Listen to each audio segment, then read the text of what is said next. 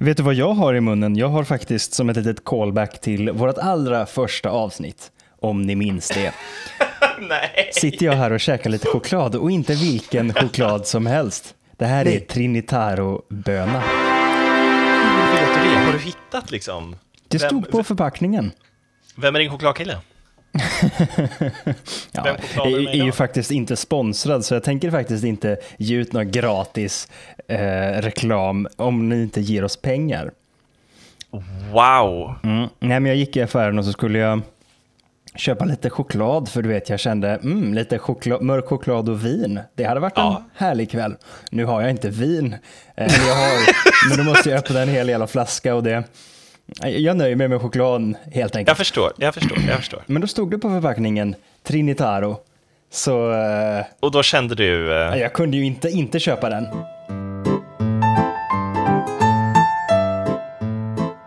Du lyssnar på Wikipodden med Johan och Erik. Tack för att du lyssnar.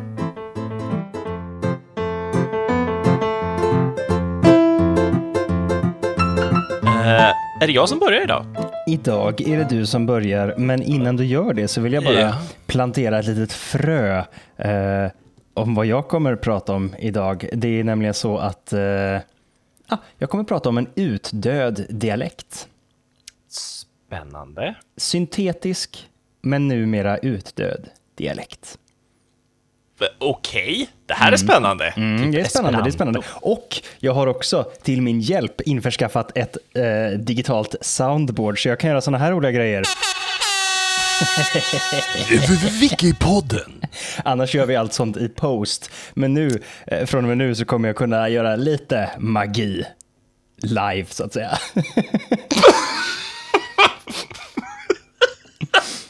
Ja, för er som är vana vid den här Wikipods-magin, nu har det blivit... Eh, jag har tagit- ännu ett steg. Åh, herregud. Eh, ja, bra. Jag, jag tänkte också prata om en, eh, inte en utdöd dialekt, men, men eh, dialekt på liv och död, skulle jag snarare säga. Okej. Ja. Tell me more, tell me more. Did she put up a fight? Inte- inte- Inte speciellt mycket. Nej, jag tänkte okej. prata om Persilja-massakern. Det låter ändå som en fight, får jag säga. Det låter som en fight. Eh, det, det var inte mycket av en fight, det var mer en slakt. Eh, Oj. man räknar med att mellan 5 000 till 67 000 människor dog i Persilja-massakern. Men gud. Vi kommer dit. Och jag kan Fortsätt, inte fortsätt sjung. Jag Nej. vill inte längre sjunga eh, peppiga små eh, showtunes. Jag, Jag känner inte för det helt plötsligt. Nej, nej, nej, nej, jag förstår det. Eh, jag, jag tänker, vi backar bandet lite. Gärna. Eh, ja. Så här ligger det till, nämligen. Mhm. Eh, du vet var Dominikanska republiken ligger? Nej, men jag vet att den finns. Den finns. Dominikanska republiken ligger... Den ligger på ön Hispaniola. Och det Ja. är den här, du vet, en, du vet Kuba? Ja, Kuba vet jag. Ja, och så är det en ganska stor ö till höger om Kuba. Jo, jo, men det vet jag. Ja, det vet jag. det för jag har spelat. Europa Universalis. Okej. Exakt, exakt. Det är Hispaniola. Mhm. Eh, och halva Hispaniola är ju eh, Dominikanska republiken. Mhm. Och andra halvan är Haiti. Okej. Och en gång i tiden så kontrollerade Haiti hela, hela ön. Mm. Eh, och så att liksom Dominikanska republiken, ska säga var, eh, det var inte den Dominikanska republiken, de var, vad ska man säga, under Haitis styre. All Men right. de lyckades eh, få självständighet och blev ett eget land. Boom, Dominikanska republiken. Det här är Bam. någon gång, liksom, ja, bam! Det här är någon gång typ 18... Ugh. 1800. 30 000 människor dog i den här massakern. Ehm, ska vi se. Ja. Under åren så hade det blivit otroligt dålig stämning eh, mellan Haiti och Dominikanska republiken. Därför att gränserna mellan de här två var otroligt luddig ganska länge. Ja. Eh, Det var, liksom så här, det var lite oklart vart den faktiska gränsen gick. Eller det fanns väl en gräns, men den var lite så här, vart gick den kulturella gränsen? Vart gick den eh, faktiska, liksom, faktiska gränsen? Ja. Eh, enter Rafael Trujillo. Mm. Trujillo. Eh, Trujillo. Trujillo, ja, whatever. ja. Eh, En snubbe. Ja, han tog makten eh, i Dominikanska republiken i vad som beskrivs vara det perfekta klimatet för en diktator eh, Oj, att ta makten i. Ungefär, alltså, hela Karibien vid det här laget var ju i stort sett under diktatorstyre. Mm. Just, eh, just då. Så att det var ganska lätt för honom att plötsligt bara resa till makten. Och han, han blev ganska fort, alltså, fruktansvärt populär. Han, han fick en personkult kring sig. Mhm, Eh, han döpte om den högsta, högsta bergstoppen eh, Dominikanska republiken döpte han till så här Peak Trujillo. Liksom. Mhm. Eh, han, döpte om, han döpte om hur mycket saker som helst liksom, Mm. till sitt eget namn. Satte upp statyer av sig själv överallt. Det låter som en helt proper diktator helt enkelt. En riktig jävla diktator var det, kan man säga. Eh, Men han började liksom göra alla de här grejerna. Och han var ju också alltså, otroligt militaristisk av sig. Alltså hard line nationalist, hard line... Ja, en, en, alltså, ja, vad ska man säga? Mm, Jag, vill inte säga nazist, men han var ju fascist utan tvekan. Han var lite oskön i alla fall. Eh, otroligt, otroligt oskön. Och han, för, för under den här tiden så ha- haitianer och Dominikanska republiker, eller dominikaner, flyttade ju över, över gränserna ganska mycket och handlade med varandra också lite, lite hipp som happ. Ehm, och, så det fanns ganska många haitianer precis i gränslandet ja, mellan All Dominikanska right. republiken och Haiti. Det fanns väldigt många som bodde liksom på ena sidan.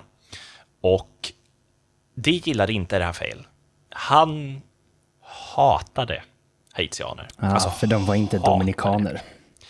För de var inte dominikaner. Han såg dem som en rasmässigt och kulturellt underfolk. Ja, ja, ja. Och han såg haitisk eh, immigration som en, en fara för den sociala och ekonomiska utvecklingen för den Dominikanska republiken. Ah, Okej. Så att han ska ha sagt, eh, och jag citerar. There is no feeling of humanity, nor political reason, nor any circumstantial convenience that can force us to look indifferently at the Haitian migration. That type is frankly undesirable. Of pure African race, they cannot represent for us any ethnic incentive. Not well nourished and worse dressed, they are weak, though very prolific due to their low living conditions. For that same reason, the Haitian that enters lives afflicted by numerous and capital vices and is necessarily affected by diseases and psychological deficiencies which are endemic at the lowest level of that society. Ah. Eh, han skräder ju inte orden Nej. här. Nej. Och, eh, Man vet var man sen- har honom. Man vet var man har dem och senare så säger han For some months I have traveled and traversed the border in every sense of the word. I have seen, investigated and inquired about the needs of the population. To the Dominicans who were complaining of the depredations by Haitians living among them, thefts of cattle, provisions, fruit, etc., and were thus prevented from enjoying the peace, the product in peace the products of their labor, I have responded with i will fix this. And we have already begun to remedy the situation. 300 Haitians are now dead in Banica. This remedy will continue. Okej, nu är det dags för ethensing här. Eh, vi kommer dit. Vi kommer dit. Ja. Men det Han luktar ju folkmord på horisonten. Det, det är folkmord det är på horisonten. Det är folkmord på gränsen, kan man säga. Eh, så att det var otroligt spänt mellan Haiti och Dominikanska republiken. Eh, det, hade också, det var också ganska spänt för att resurserna på ön var ganska ojämnt fördelade, kan man väl säga. Så att eh, det var också spänt för att den ena sidan ville ha, ha land som den andra sidan hade. ja, ja. F- För mycket, mycket, mycket land var eh, eller i Haiti så var väldigt mycket av, av landet, det var mycket berg, det var ganska eh, torrt, liksom torr jord som inte går, alltså död jord som inte går att odla i. Eh, så istället då för att stanna i en sand, eller inte sandöken, men jordöken som knappt kan, kan uppehålla liv, så stack de över gränsen till Dominikanska republiken och Ja. började odla där. Ja, okej. Eh, För där de hade liksom bättre, bättre förhållanden för att odla. Så de, de bildade kan man säga konklaver längs med gränserna på båda sidor. Eh, och eh, haitianerna, de fick fördelen att de fick land de kunde använda och leva av. Och eh, dominikanerna, fick, de som bodde vid gränsen, hade också en fördel för plötsligt så kom de åt eh, gods ifrån Haiti, eh, Haiti, deras marknad, mycket lättare. Eh, och det här är då en grej som blir lite så här. Eh, vägarna till de här gränsområdena och den infrastrukturen överlag var så jävla dålig från Dominikanska republikens sida att det på många håll var enklare för dominikanerna att handla i Haiti och sälja sina saker där. Okej. Eh, vilket betyder att plötsligt har ju då Haiti en anledning att säga att Nej, men de här gräns, eller så här, det här området borde ju tillhöra oss. Därför att de handlar ju med oss. Och resurserna tillfaller ju ändå oss i slutändan. Eh, så att plötsligt då så skulle det ju bli... De, de- fick lite casus belli kan man väl säga på Ja, att, ja, ja. att gränsen tillhörde, alltså vissa av de här områdena då tillhörde dem. Snarare Ja, och jag kan tänka mig att det här lättade upp stämningen ganska mycket. Ja, det här gjorde ju alla var jätteglada här. isades ut. Ja. Ja, nej, det var fortfarande isigt, kan man väl säga. Ehm, så att hans, hans stora fruktan här var ju då, om jättemånga haitiska immigranter börjar ockupera de obefolkade delarna av den Dominikanska republikens gränsländer, så, så kan ju haitiska, eh, Ha- Haiti säga att ja, men det här är ju vårt land. Haitianer bor där, ni bor inte där. Det är vårt.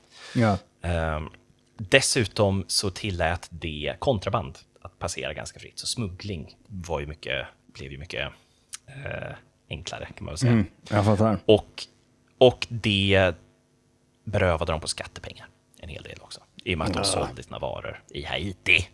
Så fick du inte Dominikanska republiken någon skatt. Så Nej, det var liksom en, en, det var en stor mix. Men det här är det som man, som man främst säger var anledningen eh, till, till, till själva...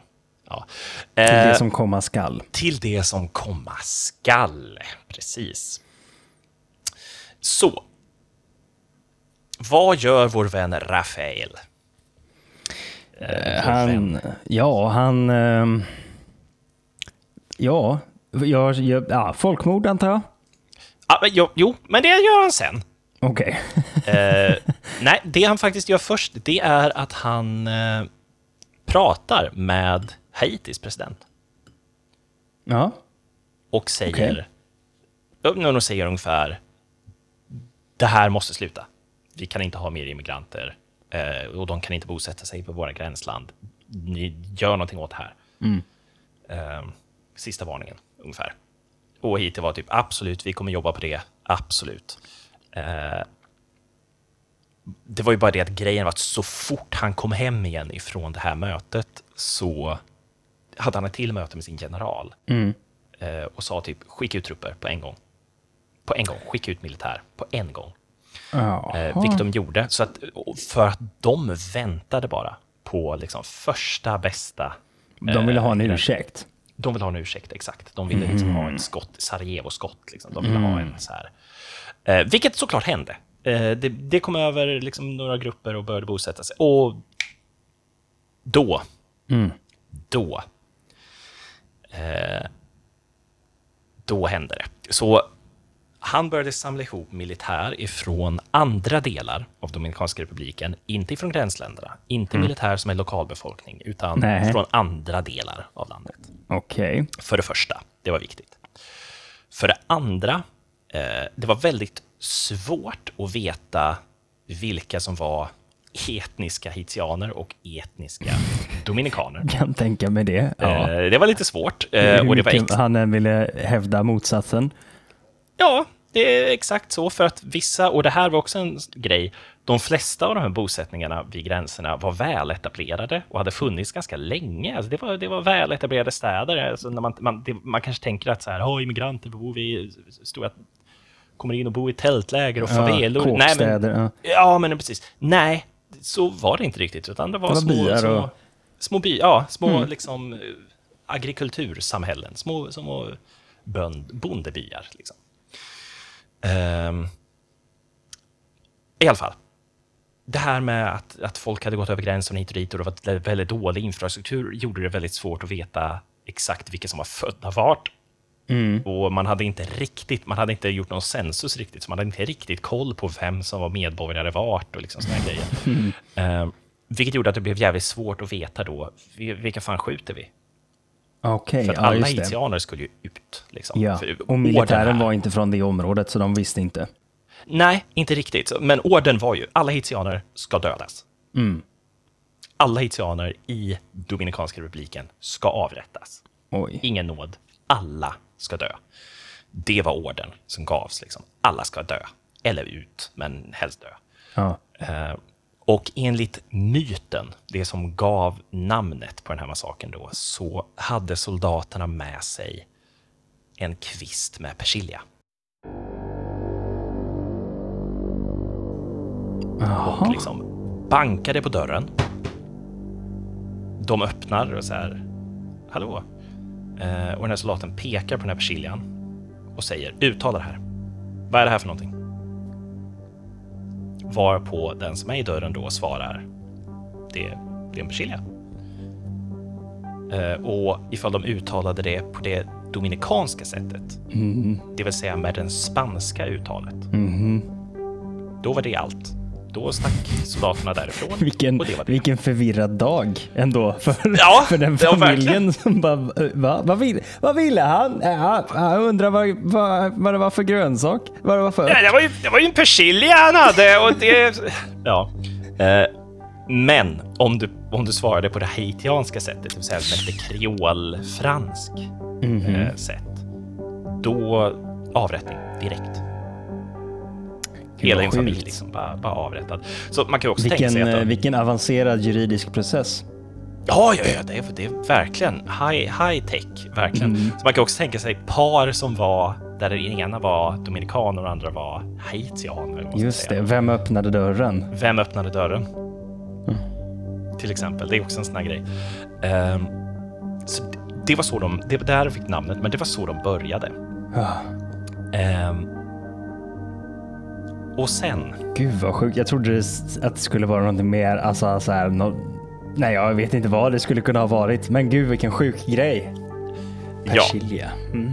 det som händer sen i alla fall, för man tänker ju att så här, ja, det är ju lite lustigt, hahaha. Eh, och Ja. det är det väl. Ja.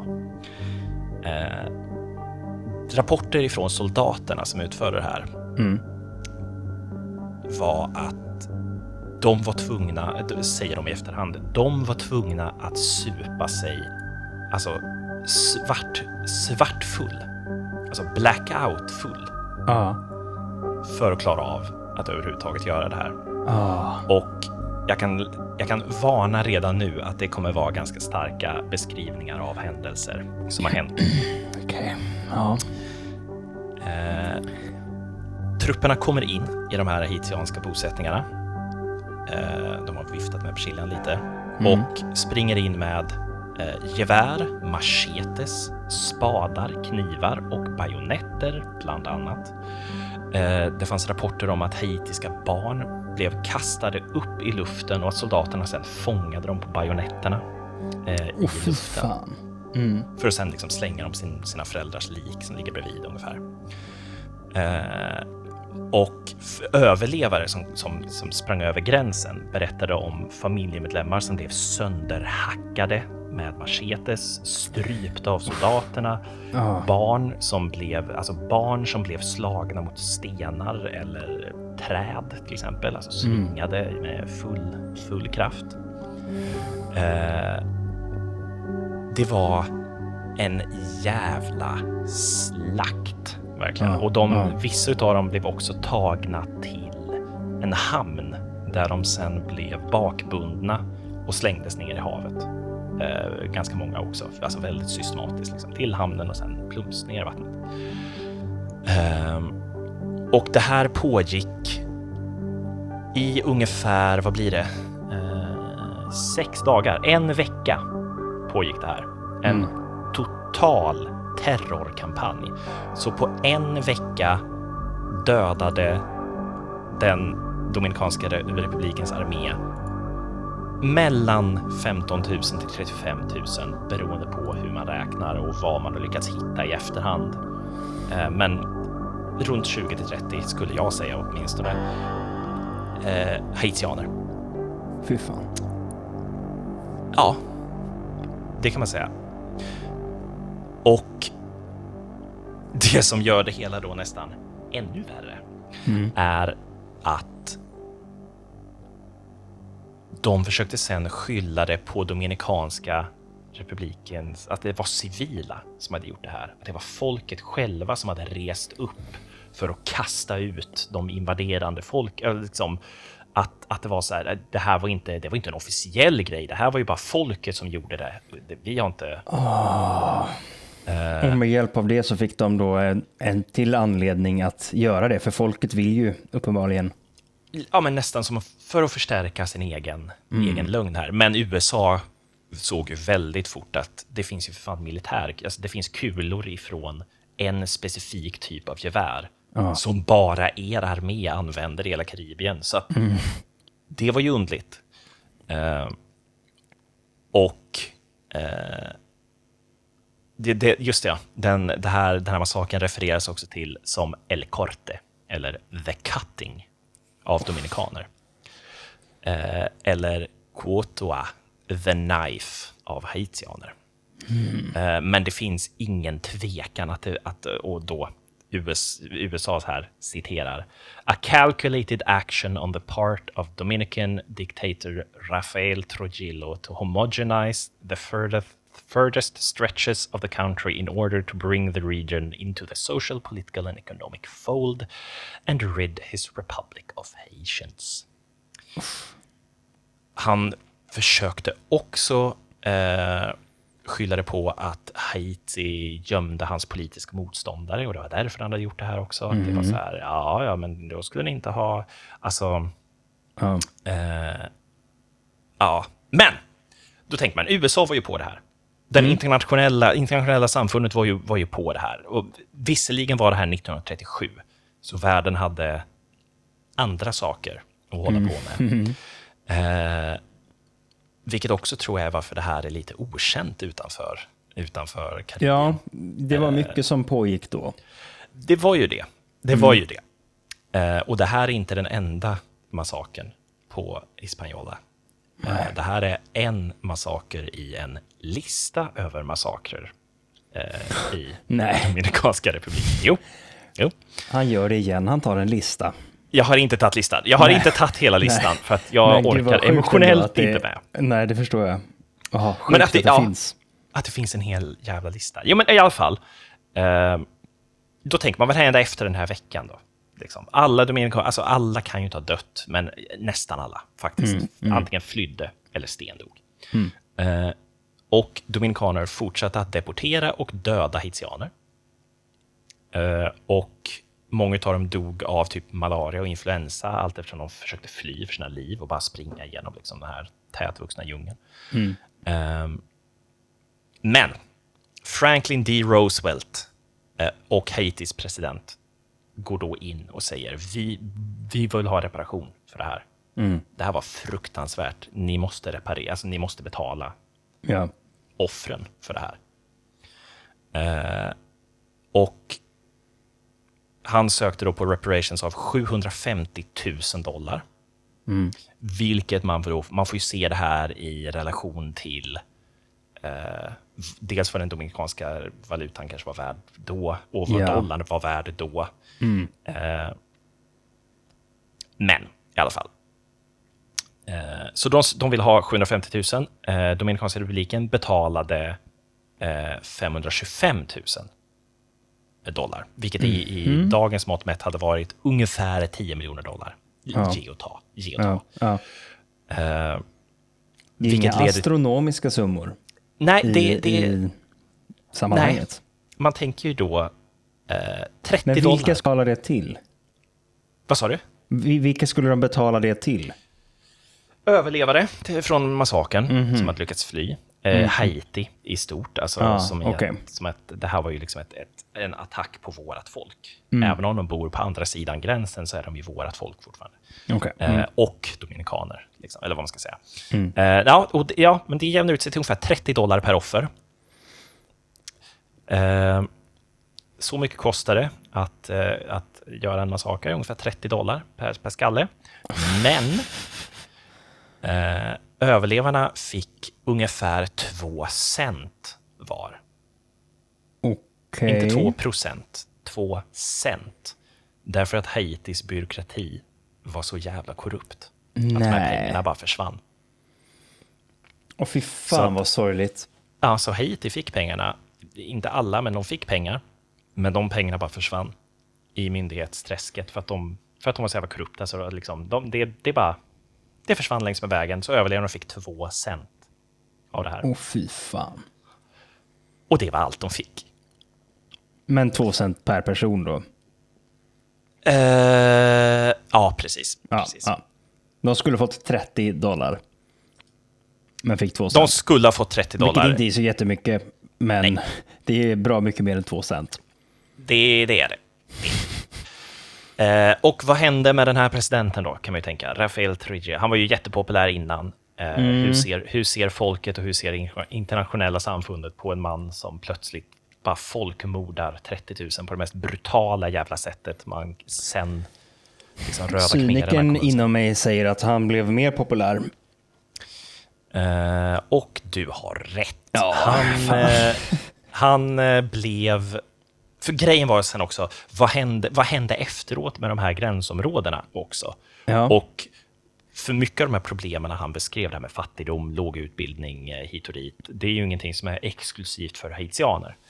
Eh, Nej. Östgötar till exempel eh, lider av samma problem. Eh, det var osmakligt. Eh, eh, nej, men det, det som hände efteråt var att han moderniserade hela regionen. Så de fick moderna sjukhus, moderna skolor, politiska högkvarter, militärbaracker, eh, miljonprogram, motorvägar. Alltså det blev en... en alltså, satsade, utvecklade Ja. det här stället då till en modern eh, grej. Så det är, folk är lite i två läger om honom. De, det finns, jag hoppas, en stor majoritet som ser honom som ett fruktansvärt jävla monster som slaktade sin Jo. väg genom historien.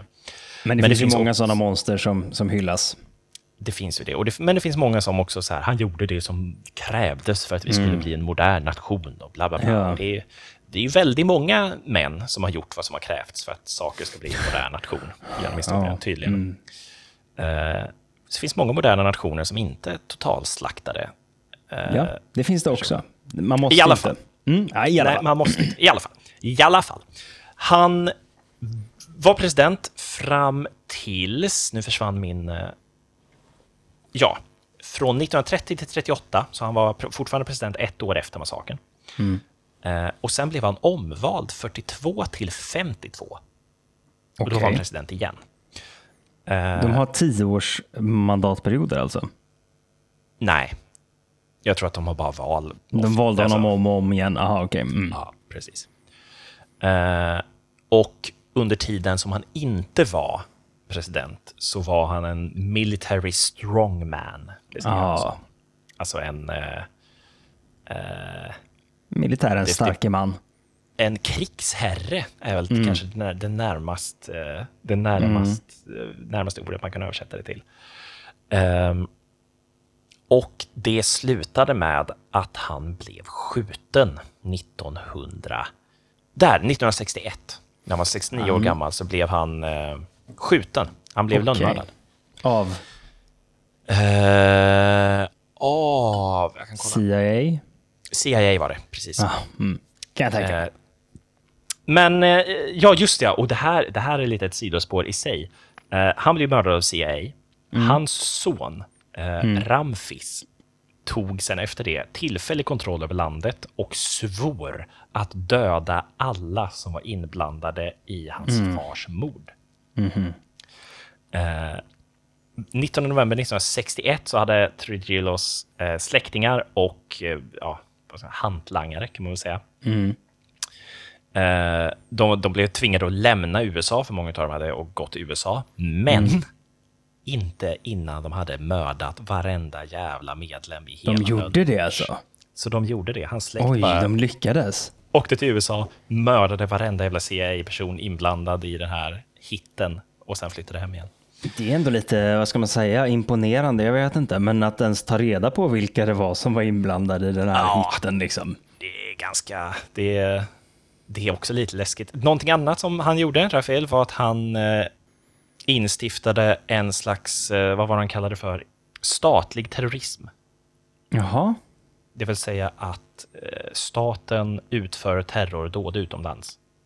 Ja, okej. Så att det var liksom folk som flydde till Mexiko till exempel, alltså, som var hans motståndare. Eh, plötsligt så sparkas dörren ner av dominikanska soldater som bara mejar ner honom i sitt hem. Det är så här, det, Ah. Man kunde inte vara säker någonstans för att han fan hade liksom en... eh, Ja, vad obehagligt. Ja. Och det var Persilja massakern. Ja, peppigt. Jag, jag ångrar mitt airhorn, men, eh, men det är för sent att ta tillbaks nu. Det fixar det i post. Nej, men eh, ja, vad obehagligt. Eh, vi är tillbaka och jag skulle vilja säga så här. Here we go. Ja, eh, det är nämligen så att jag ska prata om eh, gamla filmer. Varför är det så att när man... Nej, det ska jag inte alls förresten. Vänta nu, får, jag, Det- får, får Johan gissa? Nej, för att först så ska jag be om ursäkt. Ja, just det, så var det. Förlåt. förlåt. Jag, först, ska jag jag, be, först ska jag be om ursäkt från botten av mitt hjärta. Och jag vill inte att du axlar den här bördan själv. Jag vill, vi båda två ber om ursäkt. Ja. Det var, det, var mest, det var mest jag, men jag är glad att jag har dig. För det jag ska säga nu, det är inte lätt. Nej. Förra avsnittet så... eh, Alltså jag, jag får bara säga det. Jag råkade säga att Krokenbuschen, det är en... eh, Det är en eh, hög pyramid av kanderad frukt. Och det skulle inte kunna vara längre ifrån sanningen. Nej. Krokenbuschen, det är ju alltså kungen av bakverk. Det är ju inte bara en jävla massa frukt som man eh, lägger i socker för att få en hög stapel. Nej, varenda liten klump i den här krockenbörsen, för det är ändå klumpar som man staplar, är i sig ett utsökt bakverk. Varenda liten detalj i en ordentlig krockenbörs tar timmar att tillverka. Och den här utsökta skapelsen som man staplar, den ringlar man sen med kanderat socker. Eller socker, eller vad fan man gör. Frukterna. Var fick jag det ifrån? Jo, jag tittade bara på bilden och som en slarvig lekman så såg jag att det var jordgubbar där och tänkte jaha, den är gjord av frukt men sanningen var så mycket mer komplicerad som den ju ofta är. Um, så jag vill bara be om ursäkt. Vi i Wikipodden tar det här naturligtvis på stort allvar och vi har haft ett samtal med Erik och vikten av att leverera korrekt fakta. Eh, Så eh, framöver så kan ni lita på att allt vi säger här är 100 procent eh, sant och korrekt. 100 procent. Aldrig någon som helst vinkling. Aldrig mer kommer vi ha ett faktafel.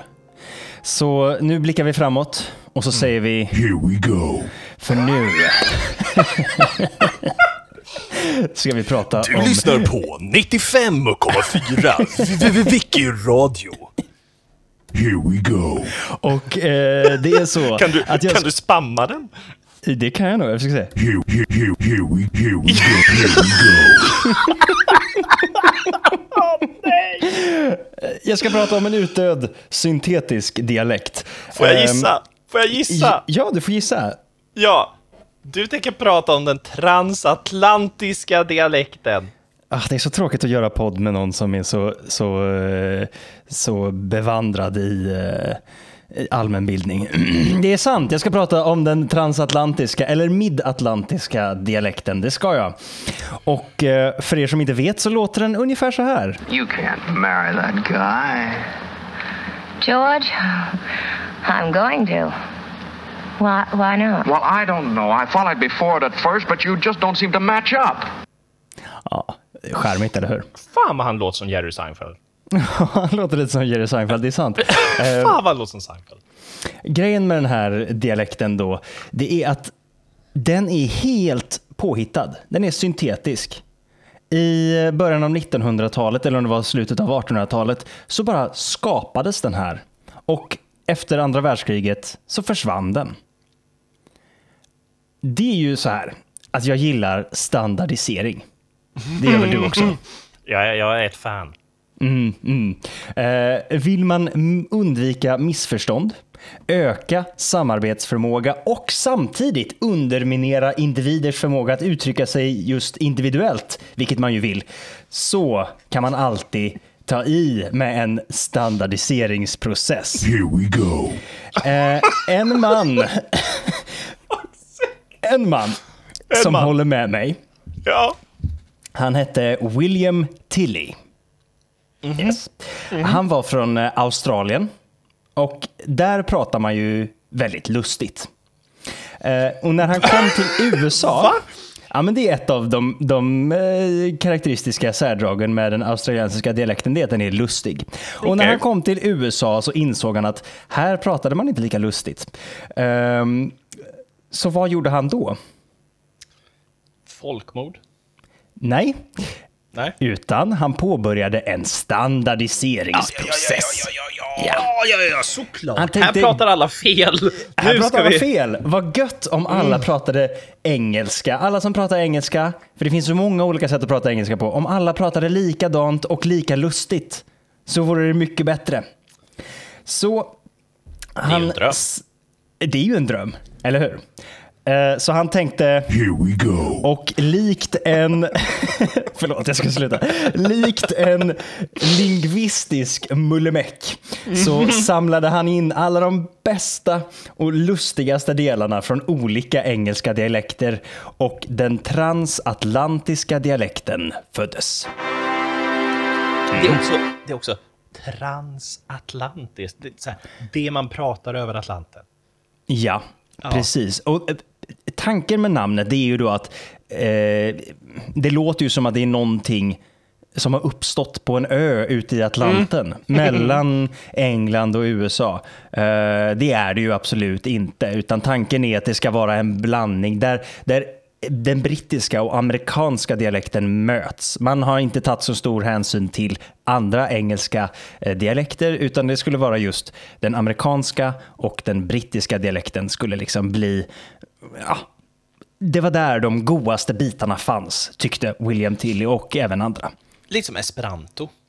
Precis!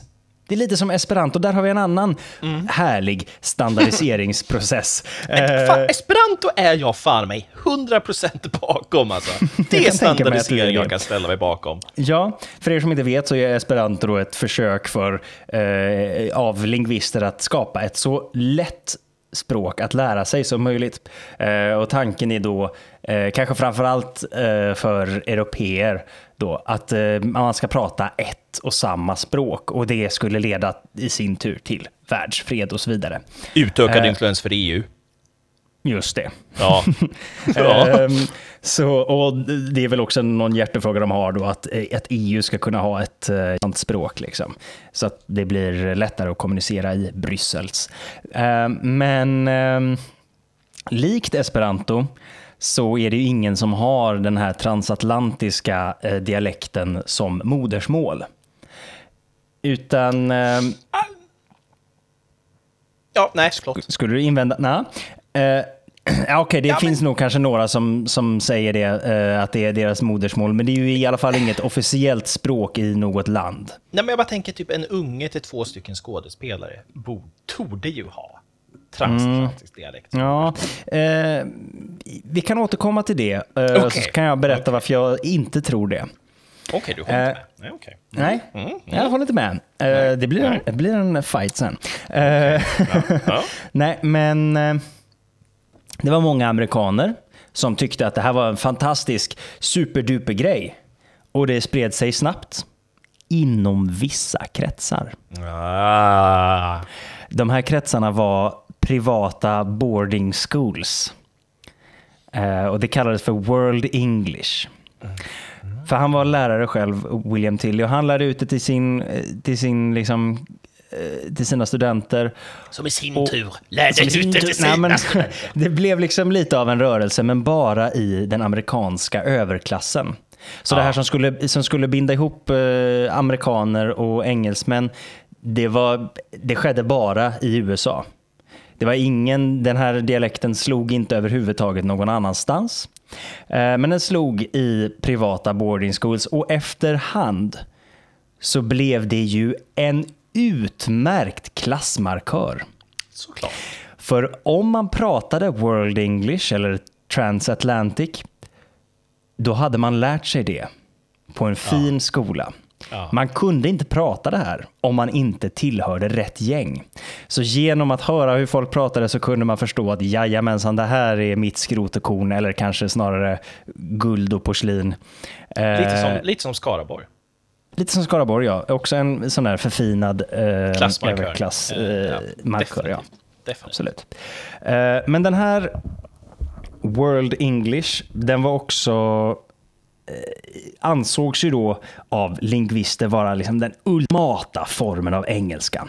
Så, personer som man utbildar till att prata, även om de inte gick på privata boarding schools, de skulle också lära sig transatlantic. Och vilka är det mycket? Jo, skådespelare. Skådespelare! Så skådespelare förr i tiden fick... Eh, jag, har, jag har bytt ut det ljudet Okej. faktiskt. Nej, men vad fan! Men för jag har bara fyra knappar tillgängliga. Jaha, Ehm, Så nu istället har jag... Here we go. Och eh, de Just det, här... skådespeleri! Here we go. Tack, tack, tack. Eh, de här skådespelarna då spelade ju eh, på teater främst, men under 20-talet så kom ju de här första talkies. När, eh, när skådespelare på film helt plötsligt började prata. Och då var det ju redan från början liksom väldigt bestämt att det är klart att de ska prata transatlantic då. Så, Anekdot. Ja, Hoppet mellan stumfilm till talfilm ja. var katastrofalt för en väldigt stor del av filmskådespelare i Ja. USA på den tiden. Eh, The Artist, som är en modern svartvit stumfilm, tog upp det lite. Att, att folk som var jättevackra och jätteduktiga aktörer kanske hade en fruktansvärd dialekt eller pratade typ med fransk brytning skitmycket så man fattade inte ett ord, men kunde agera, liksom, kunde, Mm, kunde stumfilmsagera. Men när det gick efter takis så var det verkligen liksom Hello! I am the sexy protagonist of this movie. Och folk bara, "Oj, helvete." Så typ de största stjärnorna som inte lyckades transitiona, de bara försvann överallt. nästan. Visst. Men de som hade den transatlantiska accenten down, de överlevde. För man fattade vad de sa och eh, de lät ju så himla förfinade och eh, intelligenta. Vi tar och lyssnar på en till. Här har vi Audrey Hepburn. There are more of you than people realize. Nej, det var det inte. A special class of the American female. Tryckte The fel. married maidens. So help me, Dexter. If you say another word, är hon! Där är the hon! Det var hon. Ja, Det var hon fyra svarade. knappar! Det var, här har vi Audrey Hepburn. snob. What do you mean, snob? You're the worst kind there is, an intellectual snob. Mm, hon låter ju väldigt What do you intellektuell. mean snob? Det låter ju... Det är faktiskt samma gubbe som i första eh, Det är det! klippet. Det är det! Ja, alla de här tre som jag har spelat upp, det är från en och samma film med Audrey Hepburn. Så, så hon var med i det klippet, eh, men mest var det ju han. Skitsamma. Pratar, de inte, prat- ja, Jo, men säg, säg. pratar inte svenska skådespelare från samma period lite så här också? Typ Greta Eh, Garbo. en del av det har att göra med den tekniska utrustningen. Ja, precis. Jo, men det vet jag. För eh, på den tiden så var det väldigt svårt att fånga upp och spela upp basiga eh, frekvenser. Mm, Så alla blev lite nasalare när de pratade. Det var det här som överlevde kvar ifrån eh, ljudfilerna. var bara Ja, de, övre registerna. Just det. Och ehm, därför så tyckte Hollywood, men också andra industrier då, att det var väldigt bra med folk som pratade på det här sättet. Snob. Och ehm, för då var det väldigt mycket lättare för publiken att förstå vad de sa och det var lättare för utrustningen att fånga upp vad, ehm, ja, deras ord helt enkelt. Så det fostrades liksom i Hollywood och säkert då i andra filmindustrier också att snälla prata på det här lite tillgjorda sättet för det funkar väldigt bra med våra maskiner. Det är liksom bara en lycklig slump att, eh, att det stämde överens med den här överklass-engelskan. Ja. Spännande. Ja, lite, det är lite eh, lustigt. Ehm, men hur gör man då?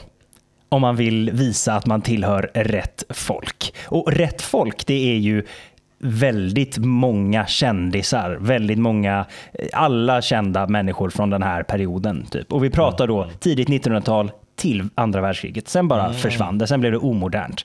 Alla politiker, så här Kennedy och Ja. Roosevelt och alla de, de pratade med transatlantic eh, accent. Och eh, Audrey Hepburn till exempel, alla skådespelare. Ehm, och eh, hur gör man då? Jo, framförallt så är det en brittifiering av den amerikanska eh, dialekten. Eller Min- den amerikanska okej, dialekten. ja. Det finns ju många amerikanska dialekter, men ehm, till exempel så eh, gör man i eh, Storbritannien så att man, om ett ord slutar på R, så säger man inte det R-et, utan man bara låter det flyta iväg. Så som winner blir winner Winner. Och clear istället för clear. Eh, Så man tar bort de sista r i orden. Man vill ju inte ha de gutturala R. Nej. Och det här tycker jag är en ganska dålig grej. För att alltså jag tycker själv att det låter ganska vackert, absolut. Men om man är lingvist och ska göra en dialekt som ska vara så förståelig som möjligt så är det väl bra om man uttalar alla bokstäver. Nej, Det är bara min, min personliga åsikt. Ja, jag är uppvuxen i ett område där vi tuggar de flesta bokstäverna istället. Ja, och hur tydligt är det? Förstod du någonting av vad någon sa under din uppväxt? Eh, nej, alltså, jag gjorde ju det, men, Mm. eh, men många andra var ju inte så lyckliga. Eh, Nej. hade inte den turen. Eh, man, jag, jag såg att de stod där i, i korvkiosken när man kom fram och typ, jag kan ta en hälta hälta och ta med. Och de bara, "Va- vad en, vad, vad, vad en, en hälta hälta? Ja. Va, en, okej, ja jag fixar det. Och liksom, ja, Mm. Ja. tyvärr, tyvärr. Eh, på den så, tiden. så det är Eh, min, min personliga åsikt i alla fall att man ska separera de olika ljuden Ja. så att de blir så tydliga Ja. som möjligt och inte gärna ta bort helst. Eh, Det är i alla fall en grej man ska göra. Man ska ta bort sista r Man ska också Mm, brittifiera sina vokaler lite här och där. Så inte dance utan dans. Dans. Aha. Så de ska bli lite mjukare och inte så nej. Dance. Trots att eh, man å andra sidan ska vara lite nasal. Man ska vara lite så här, prata lite så. Dans. Dans. Dans. Och eh, alltså, det, blir bara låter, det är väldigt, det är väldigt märkligt. dans? Yeah, so you're gonna go down to the valley and dance. Um, Nu låter det bara som en World of Warcraft Gnome istället. Jaha, ja, jag, kan, jag, jag kan inte min transatlantiska kan jag säga. Nej. Eh, men sen en sista liten grej. Man, skådespelare. En sista grej som man ska göra, eh, det är att man uttalar sina T tydligt.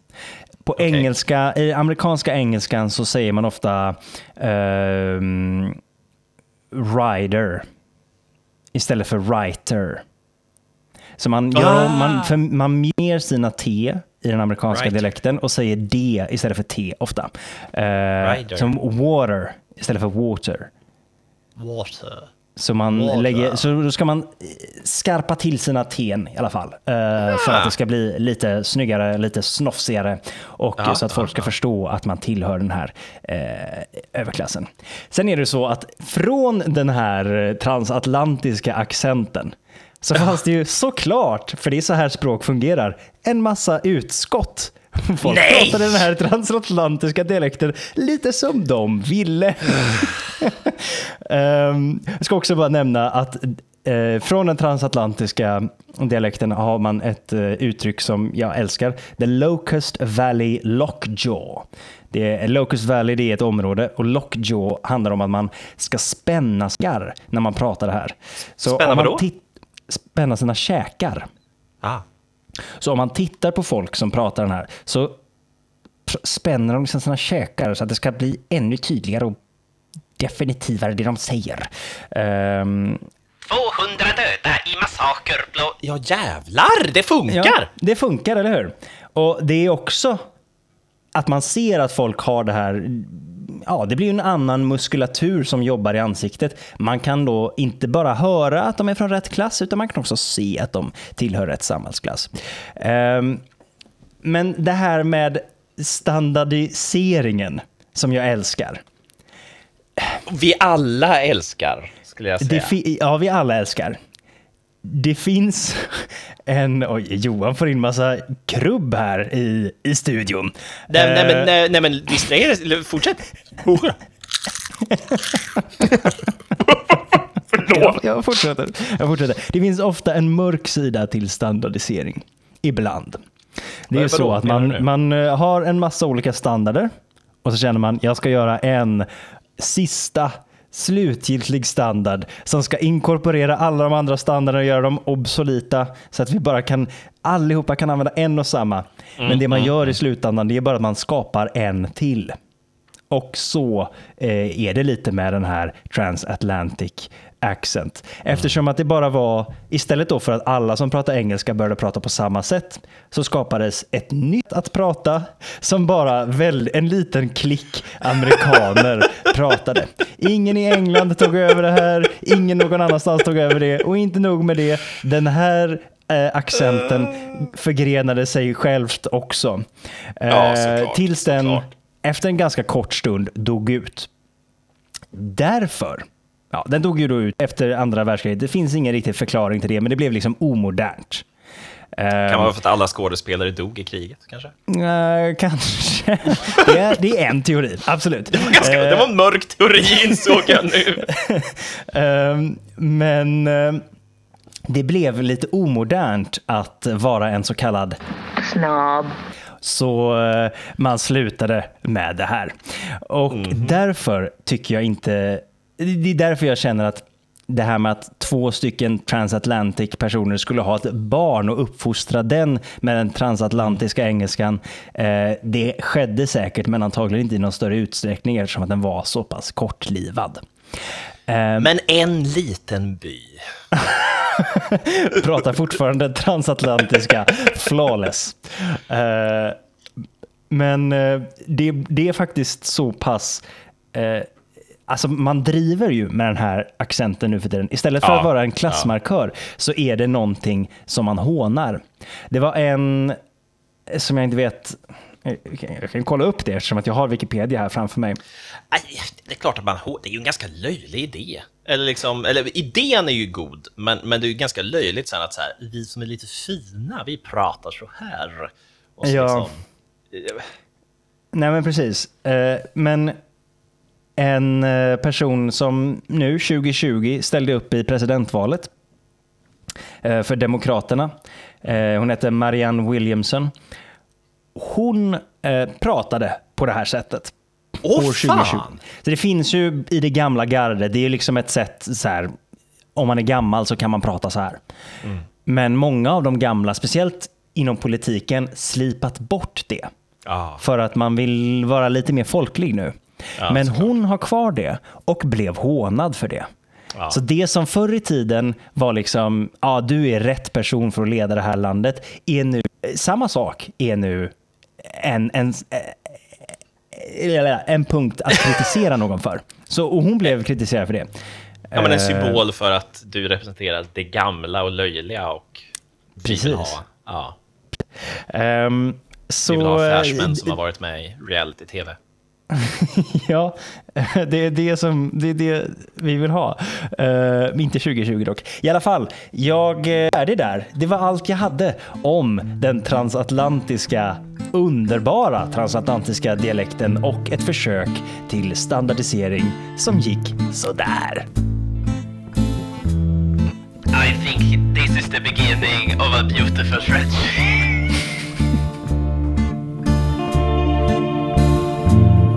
Ja, vi är tillbaka och eh, vet du vad? Jag skulle vilja säga så här. Snob. Nej, fuck. Jag tar det. Eh, Vi är tillbaka och jag skulle